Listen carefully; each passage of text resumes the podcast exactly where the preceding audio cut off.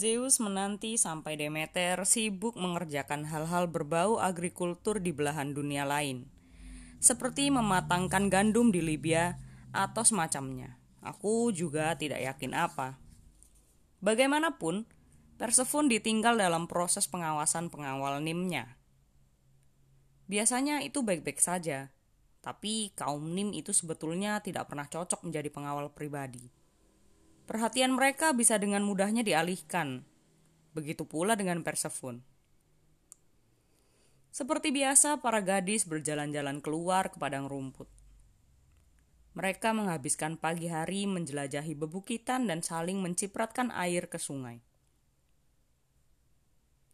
Setelah menikmati makan siang yang enak dan santai, membiarkan gaun-gaun mereka mengering di bawah sinar matahari, Persephone memutuskan untuk pergi memetik bunga. Salah satu Nim berteriak, "Jangan pergi terlalu jauh ya."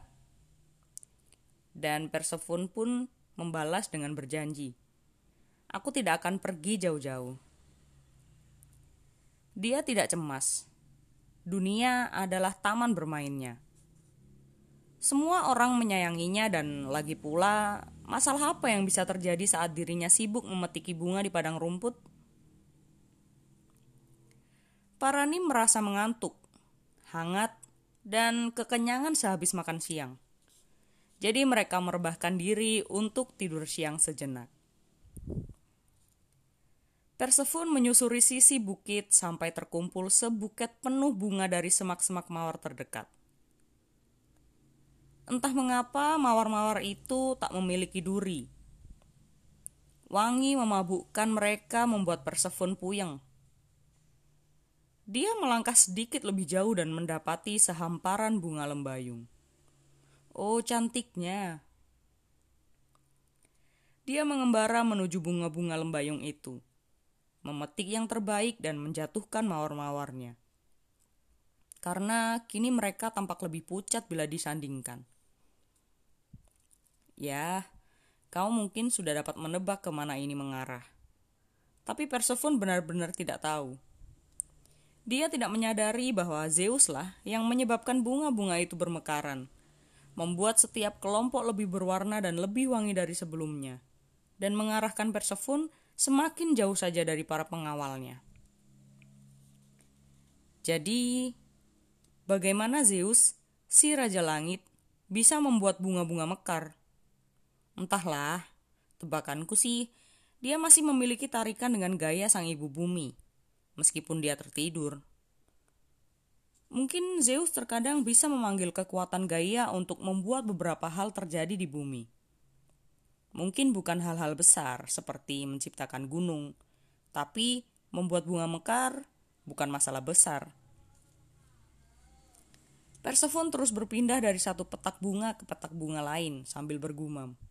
Oh cantiknya, cantiknya. Selagi dia memilih-milih bunga favoritnya untuk dipetik, dia selalu berteriak seperti itu. Sebelum dirinya sadar, Persephone sudah berada bermil-mil jauhnya dari teman-teman nimnya yang sedang tertidur. Dia sampai di sebuah desa terpencil yang dipenuhi bunga-bunga bakung. Dia sedang mengulurkan tangan untuk memetik setangkai bakung merah cantik ketika tanah berguncang sebelum lubang membuka di kakinya dan empat kuda hitam yang menarik kereta besar bergemuruh ke bawah sinar matahari. Pengemudinya berpakaian jubah hitam licin.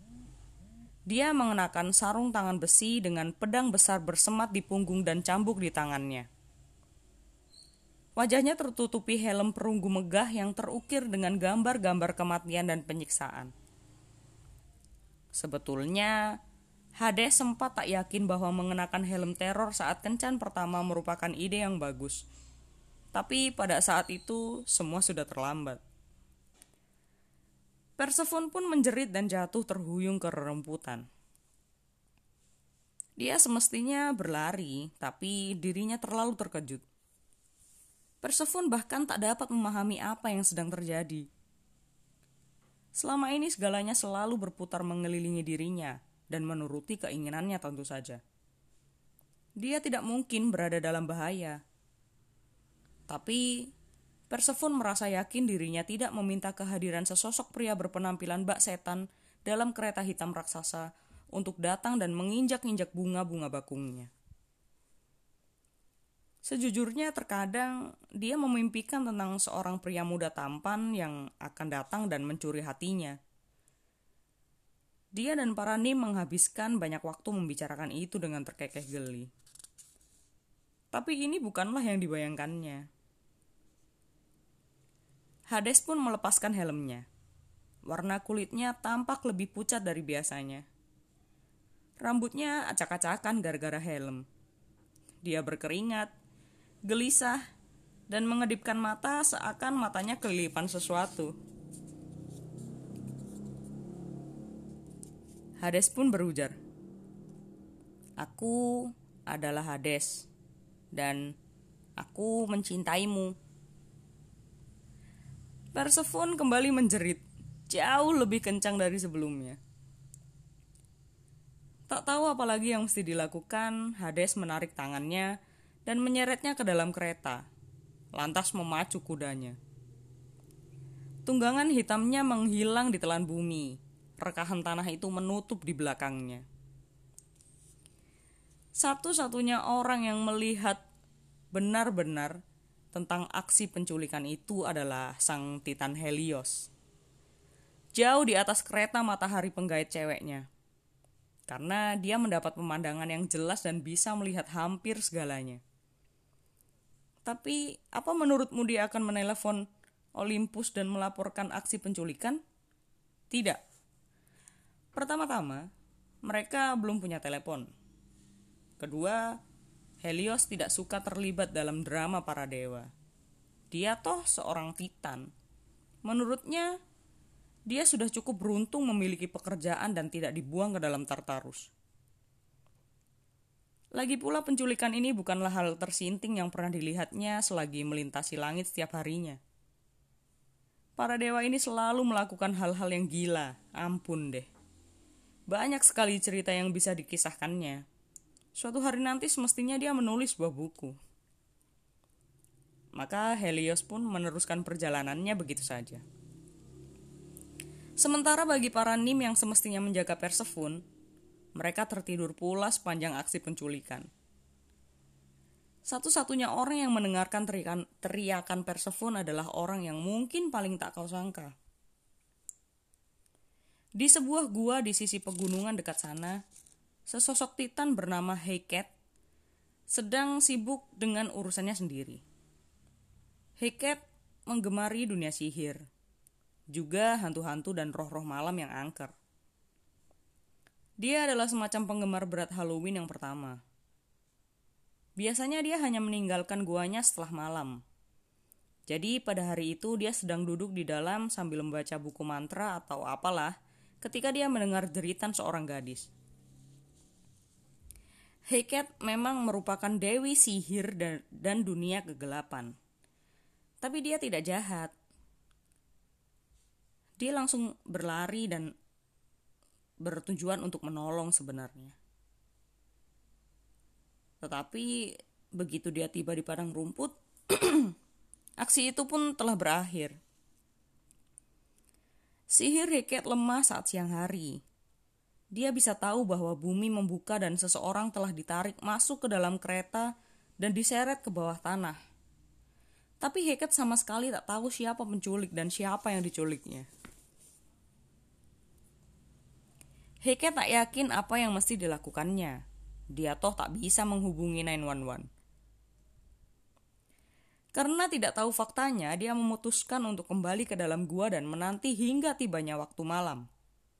Saat dia bisa melemparkan mantra yang lebih manjur dan semoga saja mendapat informasi yang lebih baik. Sementara itu, para Nim terbangun dari tidur siang mereka dan pergi mencari Persephone tapi dia telah hilang dari muka bumi secara harfiah. Para Nim mulai merasa panik pada saat Demeter kembali dan menemukan bahwa putri kesayangannya menghilang. Aku tak tahu tindakan apa yang diambil Demeter untuk menghukum para Nim itu, tapi itu pasti tidak baik. Omong-omong, Demeter panik. Dia menjelajah ke sana kemari sambil meneriakkan nama Persephone sampai suaranya serak. Dia menanyai semua orang yang ditemuinya jika mereka melihat sesuatu. Selama kurang lebih sembilan hari, Demeter tidak mengganti pakaiannya ataupun mandi. Dia pun tidak makan ataupun tidur. Dia tidak melakukan apa pun selain mencari Persephone. Dia pasti memulai pencarian dari arah yang salah. Karena pada hari ke-10, dia akhirnya berjalan memutar kembali dan menyisir area di dekat Gunung Heket. Heket mendengar Demeter yang memanggil-manggil Persephone. Segera saja si Dewi Sihir memahami situasi itu. Setiap malamnya, Heket berusaha mencari tahu penculikan apa yang terjadi. Tapi sihirnya tidak mengungkapkan apa pun. Sebuah sihir kuat tengah bekerja, menutupi penculikan itu. Heket mendapat firasat seorang dewa yang sangat berkuasa berada di baliknya, atau mungkin lebih dari satu. Heket berlari menyusul Demeter. Dia memberitahu sang Dewi Gandum tentang teriakan yang didengarnya, dan keyakinannya bahwa sesosok dewa tak dikenal telah menculik Persephone. Sang ibu yang gelisah tidak menerima kabar itu dengan baik. Dia menjerit begitu kencangnya hingga semua tanaman dalam radius 8 km layu dan mati. Ratusan kilometer ke segala penjuru, setiap jagung di daratan Yunani meledak menjadi popcorn. Demeter merintih. Aku akan mencari siapa pun yang telah menculiknya. Aku akan membunuhnya. Kemudian aku akan membunuhnya lagi. Pada saat ini, sebagian besar orang akan bergerak menjauh dari perempuan gila itu. Tapi Heket merasa iba kepadanya. Aku akan membantu pencarianmu malam ini. Aku punya obor dan penglihatanku sangat jeli dalam kegelapan. Mereka mencari dari senja sampai terbit matahari, tapi tidak ada hasil apa pun. Heket kembali ke guanya untuk beristirahat, berjanji untuk membantu kembali saat malam tiba. Tapi Demeter tak dapat berhenti. Dia terhuyung ke sana kemari sendirian hingga malam tiba dan dirinya sampai di sebuah kerajaan bernama Eleusis. Pada titik ini, bahkan Dewi Abadi pun merasa letih. Dia memutuskan untuk mengunjungi kota itu, barangkali mengistirahatkan kaki selama beberapa menit dan bercengkerama dengan warga lokal. Barangkali mereka pernah melihat sesuatu atau mendengar sebuah berita. Demeter menyamar sebagai seorang perempuan tua. Dia berjalan menuju perapian utama kota karena ke sanalah biasanya pendatang baru pergi ketika mereka ingin meminta bantuan kepada warga setempat. Keramaian telah berkumpul di alun-alun. Seorang perempuan dengan jubah indah dan mahkota emas sedang sedang berpidato. Sebagai dewi yang pintar, Demeter berpikir, dia pasti ratunya. Ternyata Ratu Metaneira sedang berada di sana bersama keluarganya dan para pengawal pengawal rumahnya. Menawarkan persembahan bagi para dewa-dewi merayakan kelahiran putra terbarunya, Demofun. Atau barangkali dia hanya berada di sana untuk meminta maaf kepada para dewa karena telah memberikan nama yang bodoh kepada putranya. Bagaimanapun, ketika Demeter datang, Ratu Metaneira sedang memanjatkan sebuah doa kepada Demeter. Bahkan dengan pikiran Demeter yang tengah kalut, itu pastilah menyenangkan. Mendengar seseorang berdoa kepadanya ketika mereka tidak tahu bahwa dirinya tengah berada di tengah kerumunan. Seandainya itu aku, aku akan menunggu sampai sang ratu berkata, "Oh Demeter yang agung, Kemudian aku akan melompat dengan banyak ledakan dan kembang api sambil berseru. Kau memanggilku? Mungkin ada bagusnya tak ada yang menjadikanku seorang dewa. Lalu, Demeter menganggap itu merupakan sebuah pertanda bagus. Dia menanti sang ratu selesai memberkati bayinya yang baru lahir yang sangat menggemaskan itu. Begitu kerumun, kerumunan berpencar, Demeter berjalan menuju sang ratu. Tapi Metaneira memperhatikannya lebih dulu. Hai perempuan tua, panggil sang ratu. Demeter mengerjapkan mata dan mengedarkan pandangan ke sekitar, bertanya-tanya kepada siapa Metaneira itu berbicara. Kemudian dia teringat dirinya sedang menyamar. Oh, benar.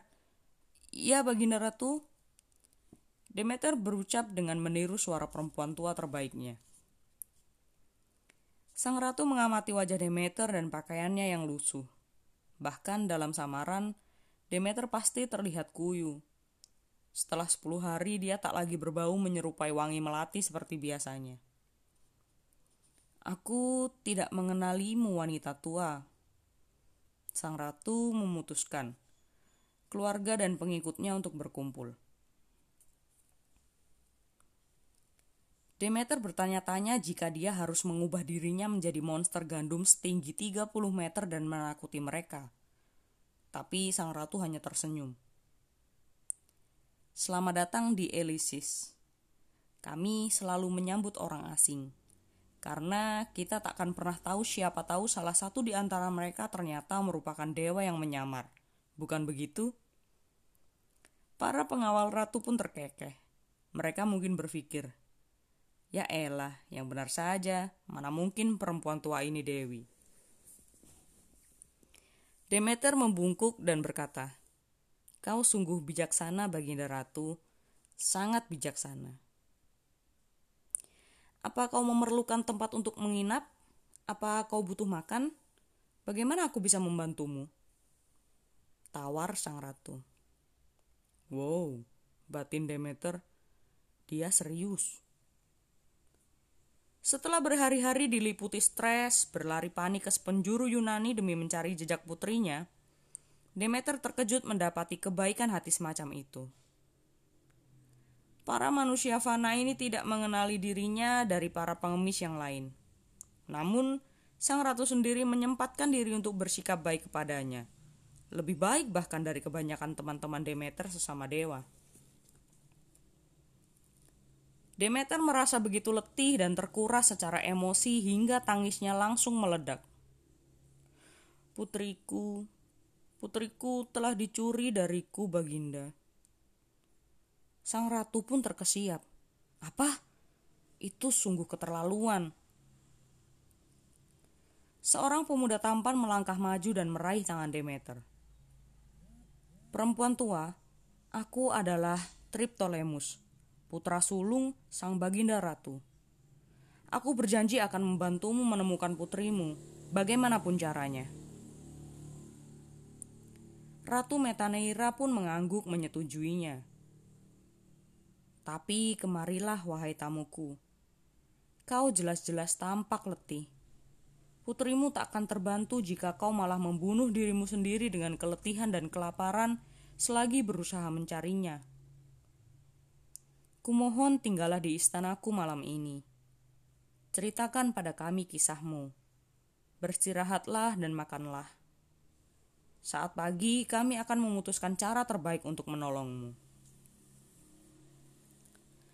Demeter ingin menolak kebaikan hati sang baginda ratu. Dia ingin terus bergerak mencari.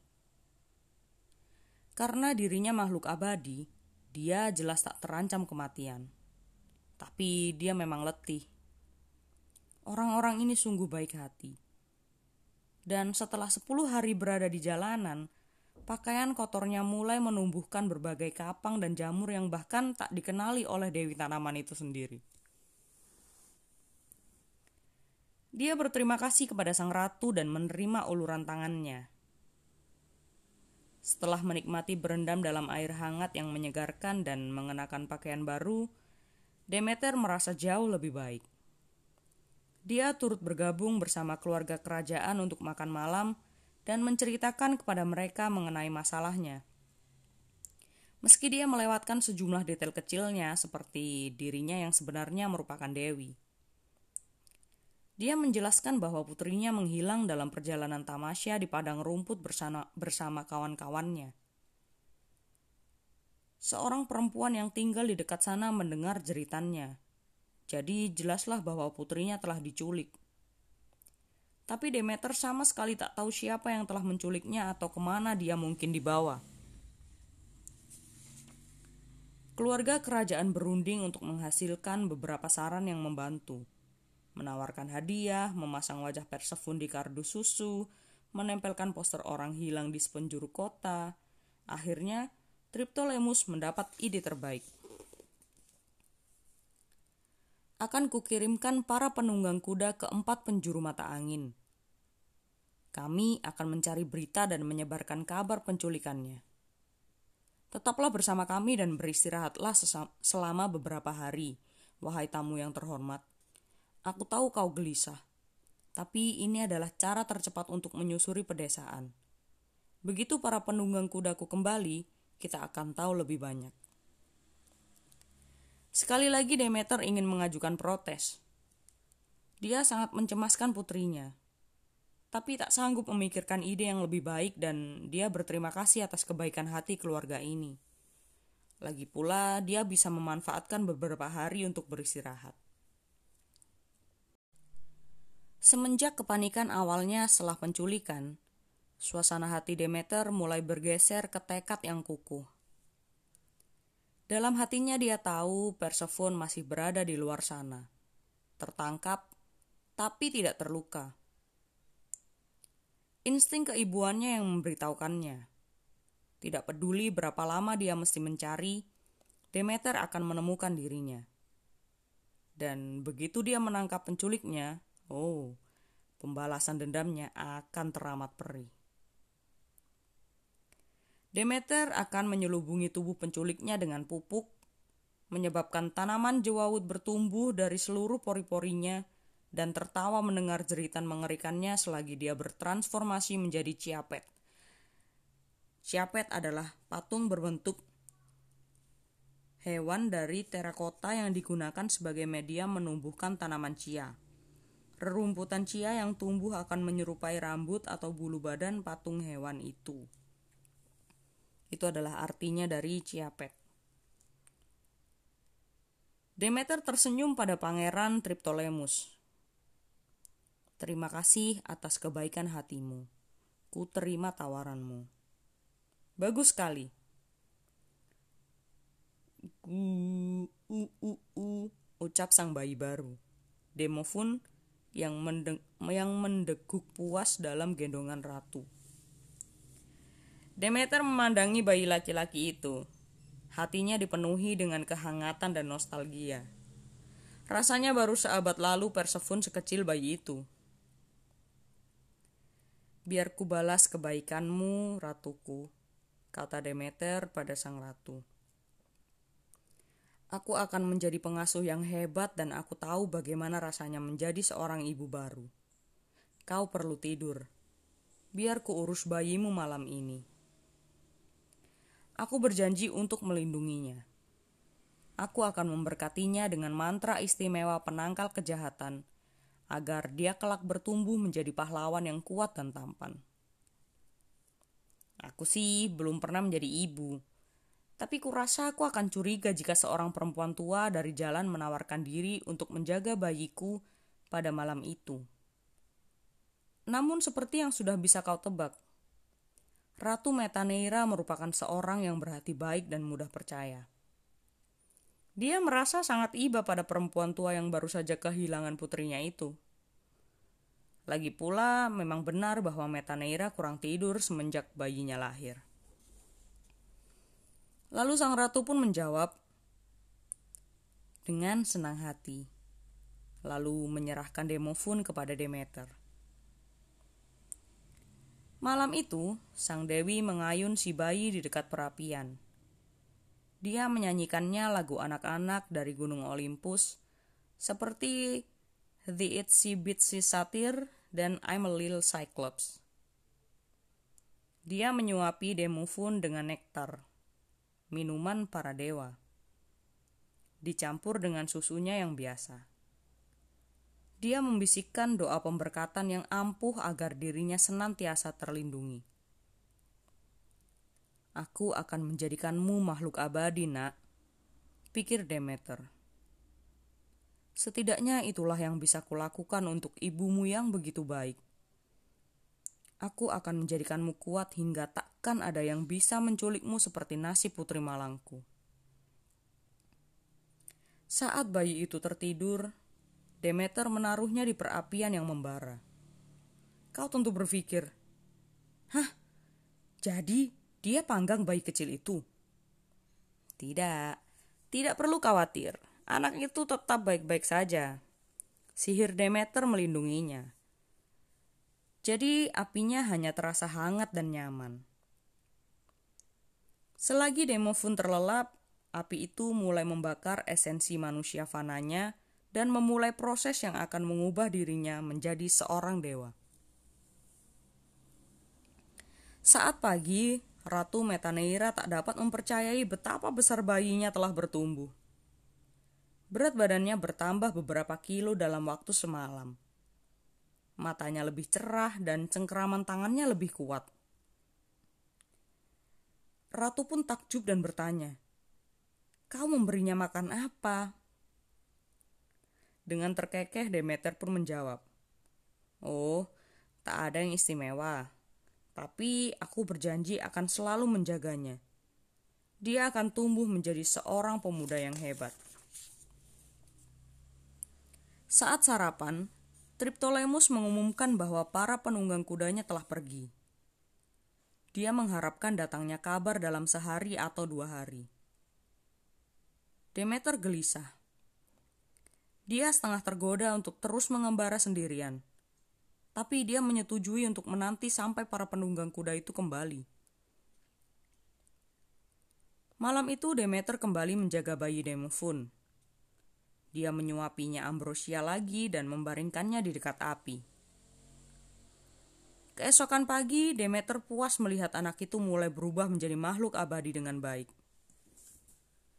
Dan dia memutuskan Oke, cukup satu malam lagi. Saat dia menyerahkan anak itu kembali kepada ratu saat sarapan, Metaneira tak begitu senang. Putranya tiba-tiba terlihat seperti anak berumur empat bulan alih-alih bayi baru lahir.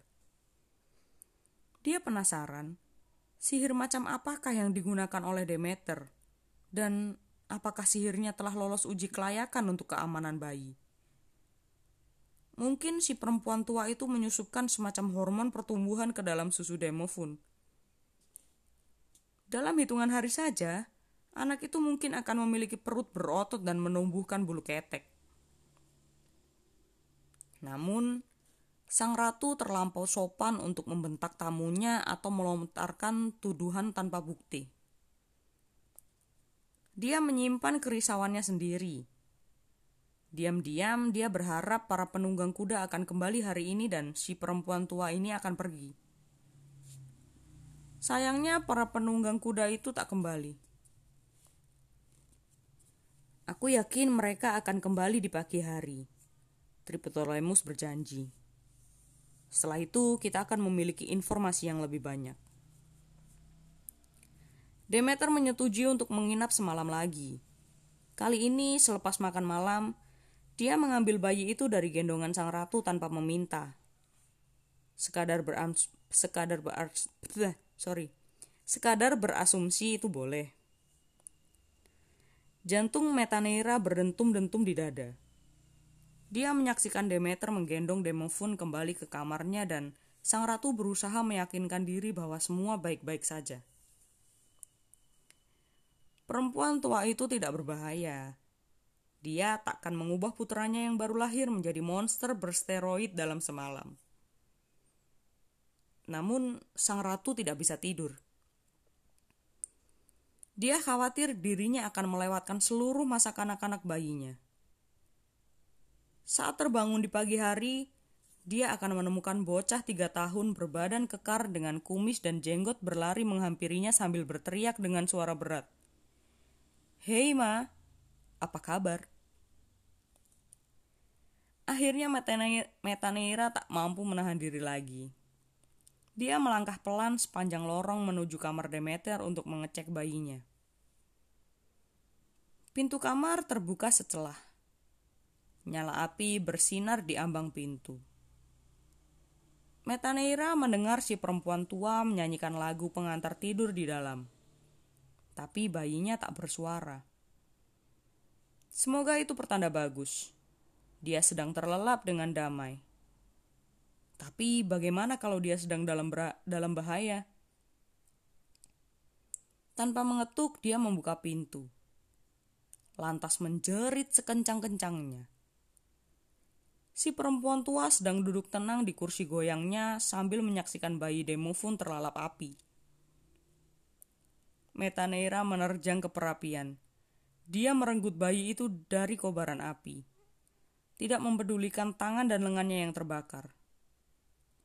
Bayi itu mulai menangis. Tak senang dibangunkan dari tidurnya yang hangat dan nyaman. Metaneira berputar menghadap Demeter bersiap menggigiti wajahnya. Tapi si perempuan tua malah membentaknya lebih dahulu. Apa yang kau pikirkan? Teriak Demeter. Bangkit dari duduknya dengan kedua tangan terkepal. Kenapa kau lakukan itu? Kau telah merusak segalanya. Metaneira mematung kebingungan. Sementara itu, Pangeran Triptolemus dan beberapa pengawal terhuyung masuk ke dalam kamar untuk menginvestigasi teriakan yang terjadi. Ada apa ini? Tangkap perempuan ini. Metaneira berteriak melengking, sambil mencengkeram bayinya dengan lengannya yang melepuh. Dia mencoba membunuh Demofun. Dia terbakar di perapian. Para pengawal menerjang ke depan, tapi Triptolemus berseru. Tunggu dulu. Para pengawal terdiam. Triptolemus mengerutkan kening ke arah ibunya, lalu ke si perempuan tua. Dia cukup pintar untuk menyadari ada sesuatu yang tak wajar di sini.